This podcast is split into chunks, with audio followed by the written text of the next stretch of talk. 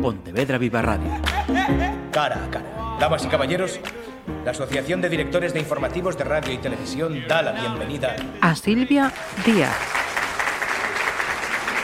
Que tal, vos días?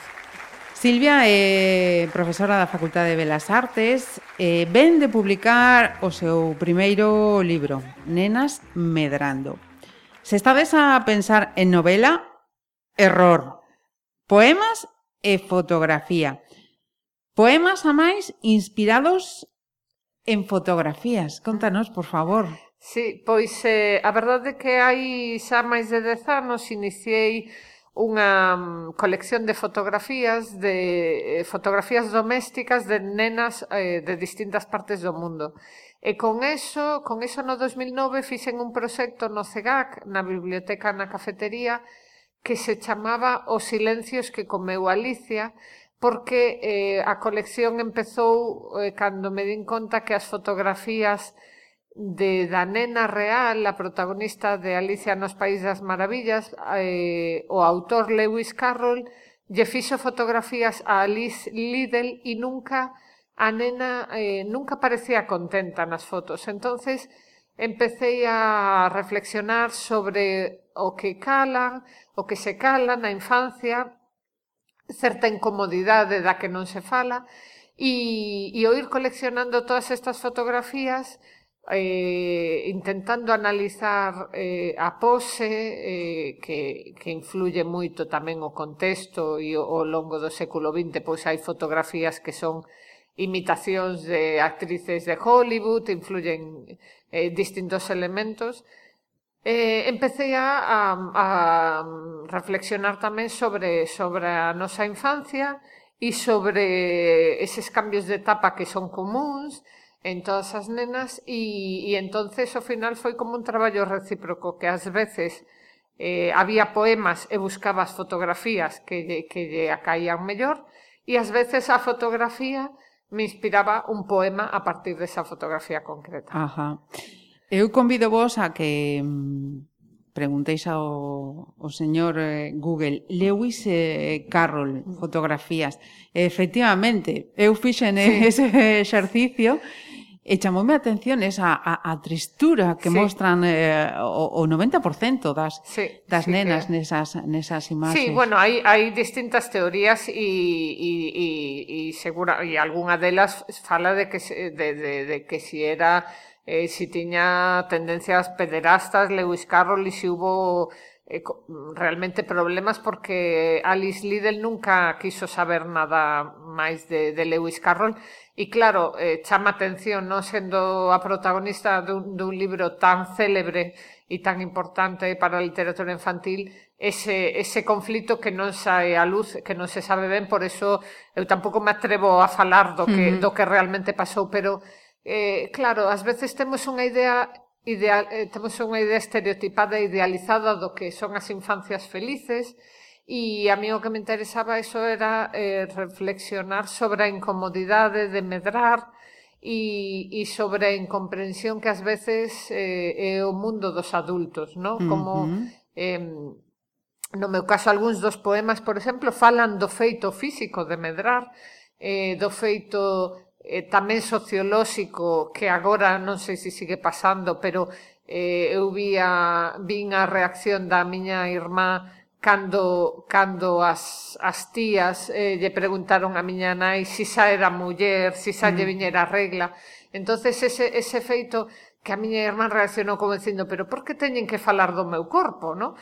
E, e entonces empecé a ver que, claro, son certas incomodidades sociolóxicas que están presentes, son como ritos de paso, e que probablemente tamén agora é distinto a, a, a miña infancia, eh, pero eh, ao redor deses temas da incomodidade física surdían moitos outros temas que, que tamén surdiron pola miña experiencia persoal, primeiro porque tiven un cancro de mama no 2016 E entón tiven que pasar por ese proceso de pensar que supón o corpo, uh -huh. que cal é a imaxen que temos do corpo, E tamén o feito de que eh, eh, na educación dos nenos e nenas, pois eu teño unha filla ahora que, que ten 17 anos, e, e cando reflexionei ao redor da educación, empecé a ter moi claro que non quería educar a miña filla no medo, que non quería eu veía por circunstancias, porque estando en primaria hubo,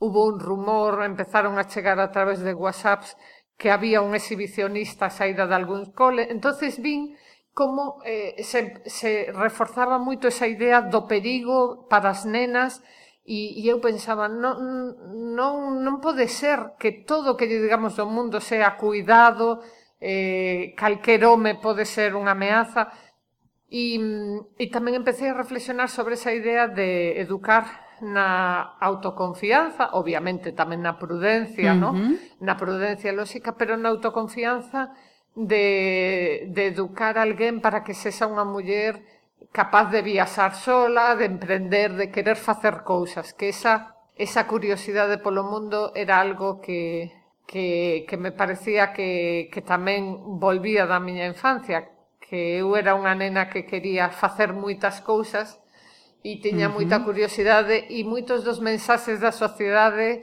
son eh, é mellor ser calada, é mellor ser dócil, vai che ir mellor eh, cumplindo uh -huh. con sí, un sí. estereotipo de feminidade. Entonces, Uh -huh Eh, tamén por eso a fotografía da portada é unha fotografía dunha nena segura uh -huh. eh, eh, escollín algunhas fotografías con esa idea de nenas eh, con unha postura de, de, de autoconfianza e non digamos de fragilidade ou medo porque me gustaba esa esa, esa imaxe de nenas que, que queren explorar o mundo e que non Eh, que non se adaptan a esa pasividade con que ás veces, espero que cada vez menos, pero se sigue educando Ajá. para que alguén sexa eh, tranquila, pasiva, dócil, calada e así. E son mensaxes que ás veces se envían de distintas maneiras. O sea, eu non creo que, que afortunadamente teñamos unha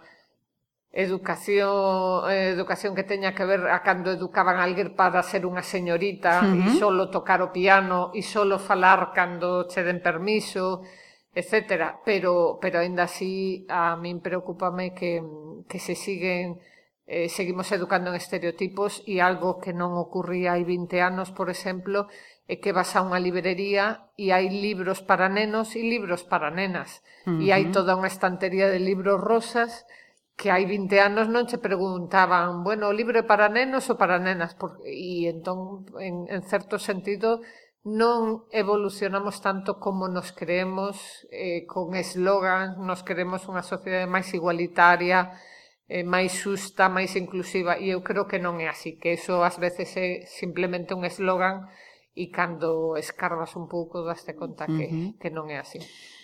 Silvia, entón, polo que estás a, a contar Nenas Medrando eh, inclúe tamén unha poesía, unos poemas reivindicativos, eh, reflexivos, eh, de denuncia social. Sí, no, non abertamente tampouco, uh -huh. ¿no?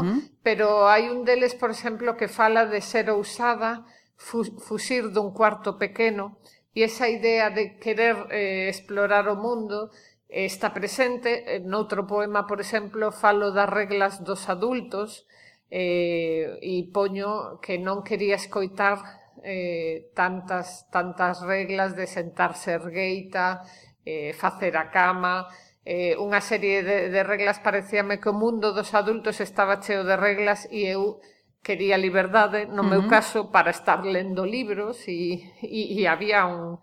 Eh, eu vía que había o, o análisis que facemos de adultos había algo sociolóxico eh, para a miña nai mm, había que estar traballando sempre e cando chegaba o verán e eu quería ler e que me deixaran ler o, eh, a min en paz pois sempre había que mm, eh, limpiar os cristales, limpiar as mesetas. Entonces eu decía, isto parece unha condena.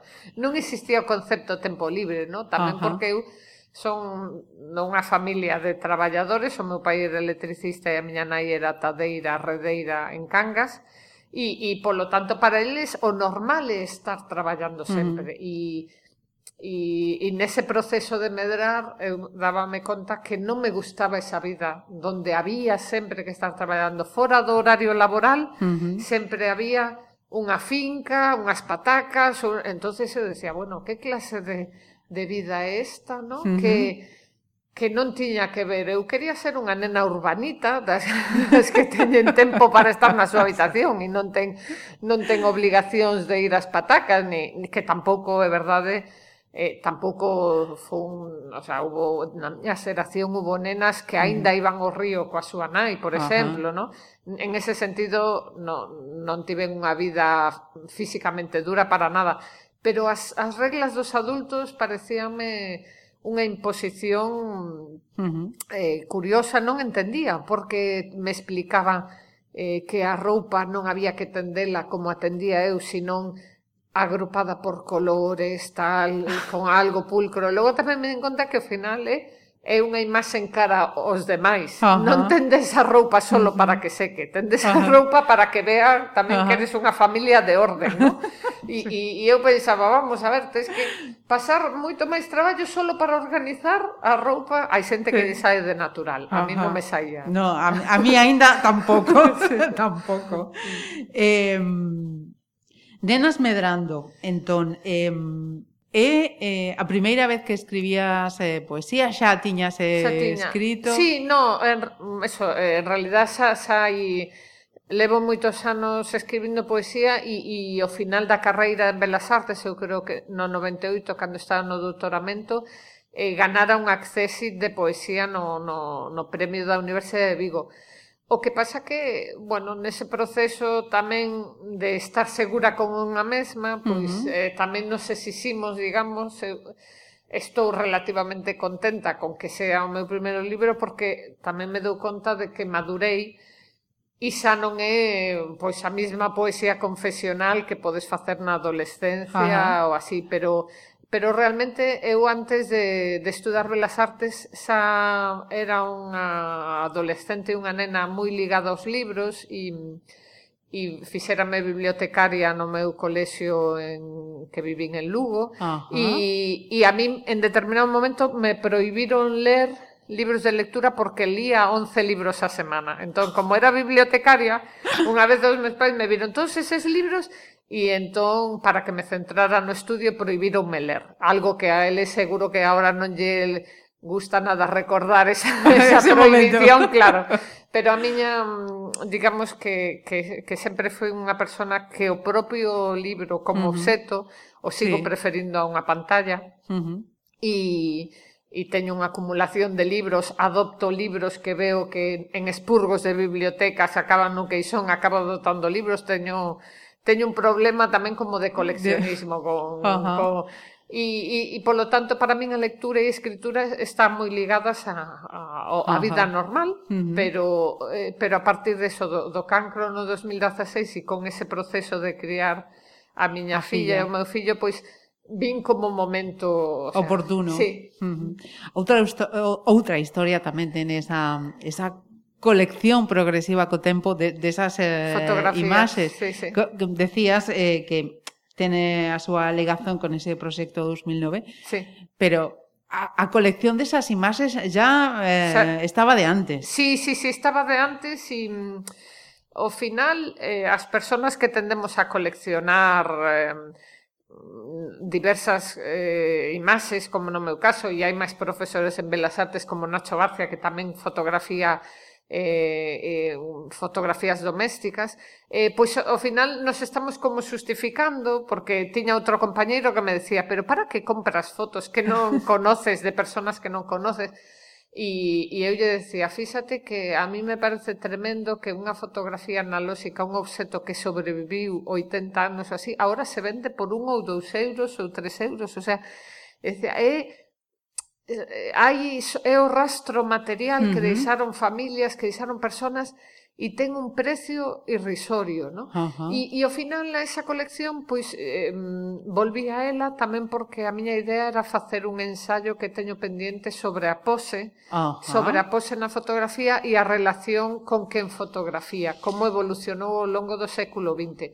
Polo tanto, como ensaio era o que me estaba costando máis eh, escribir, pois eh, tive unha axuda de, de, do Departamento de Igualdade da Unidade de Igualdade da Ubigo tamén para expoñer esas fotografías en bibliotecas da, uh -huh. da Universidade de Vigo e polo tanto son eh, é unha colección que vou rescatando para distintos propósitos tamén porque eh, eu tamén me dou conta que hai persoas que cando ven o libro de poemas se sorprenden moito de, de, das imaxes porque uh -huh. porque son imaxes con, con un atractivo e con un misterio sí. particular e, uh -huh. e, e hai unha hai unha fotografía, por exemplo, dunha nena pequena eh, posando nun estudio e, e é unha nena, ves esa fotografía e che parece unha señora maior, o sea, uh -huh. de todas de toda a variación, a variabilidade que hai de como posan as nenas, hai veces que ves nenas que xa eran tan rebelliñas, xa parecía que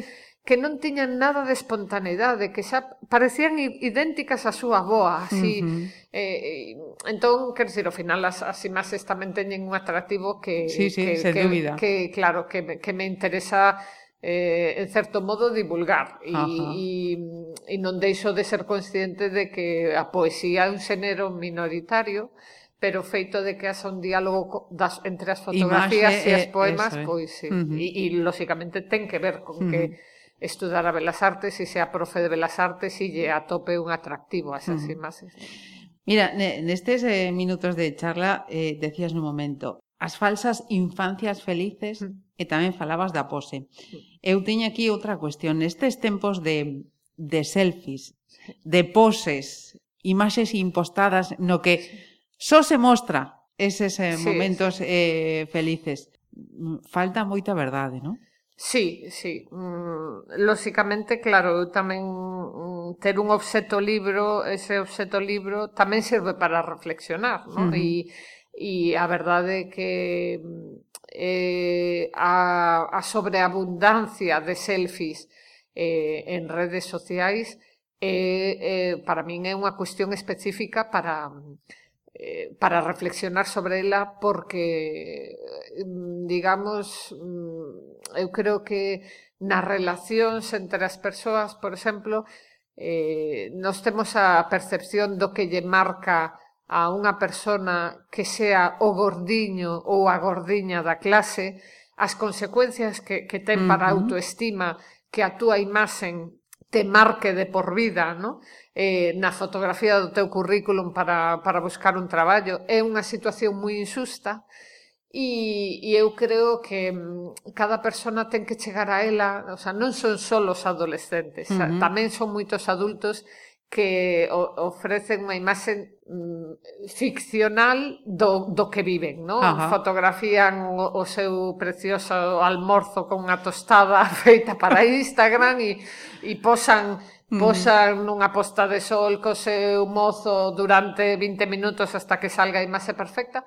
Eh, eu espero que por saturación todos evolucionemos, pero eh, evidentemente se si a sobreabundancia de imaxes eh, é unha cuestión sociolóxica importantísima e xa non che digo eh, pois como, como traballei con, con rapaces cegos en, en exposicións táctiles, xa non che digo que o problema específico que hai con unha, con unha sociedade que depende tanto da imaxe de... para aquelas persoas que teñen que acceder á información e, e, e non poden ver imaxes, non? Pois eh, teríamos que ter eso, moito máis conciencia das institucións eh, e os servicios públicos como deberías crear unha páxina web donde hai veces que para conseguir un teléfono te desesperas, te desesperas viaxando por unha web e dis, pero de verdad, é tan difícil poñer, pensar que o usuario quere buscar o teléfono da oficina uh -huh. e non ver imaxes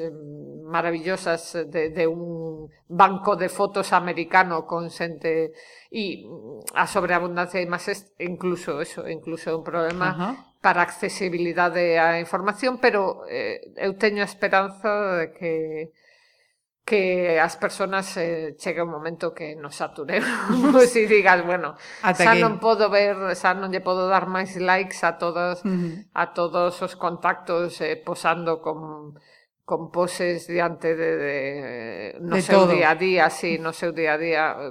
Realmente supoño eso, que ten, te, creo que a saturación nos nos nos fará nos pondrá... Sí, nos... sí, hombre, non eu creo que falta educación e pedagogía tamén e E outro día falando con unha mestra, por exemplo, me contaba que a pose esa de morritos para tal que ela eh, lle pasou con unha nena de 4 anos. Ajá, entonces sí, eu dicía, bueno, é que realmente a xente non se dá conta que, que como imitan, como se aprende mediante imitación e que alguén moi pequerrechiño está copiando poses sexy sin darse conta eh, do que significa, eh, pero eh, hai un peligro real que que hai personas, hai personas que que, que creen, acaban por creer que o único importante é o corpo, uh -huh. que, é, que é o que llevan a dar likes. No, ninguén non che dan likes, digamos, por, por un comentario ingenioso que mm. dis nunha pandilla, danche... Sí. Ou unha foto por un mal día. Claro, eh, entonces realmente eso tamén ten, ten un perigo, porque, porque xa digo, se si unha persona de 14 ou 15 anos cree que a ela a van a valorar por ser sexy, pois é, é un problema de, de educación e de pedagogía e de, uh -huh. e de como se están educando. Uh -huh. Eh, onde atopamos nenas medrando, Silvia? bueno, pois aquí están as librerías, eh, na librería Metáfora e na librería Paz están aquí en Pontevedra e, e a verdade é que, que o editor dime que, que está...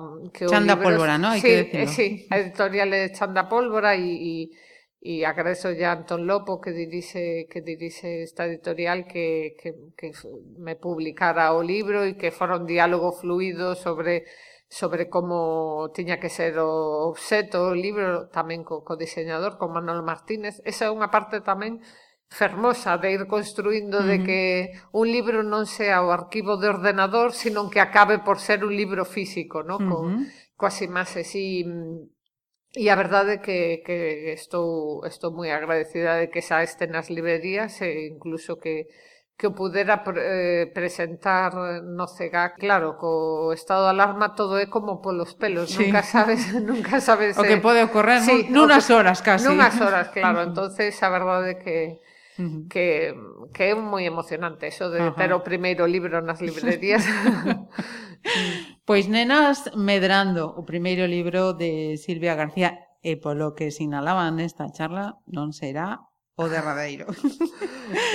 Moitísimas grazas, Silvia. Moitísimas gracias a vos, gracias. Pontevedra Viva Radio.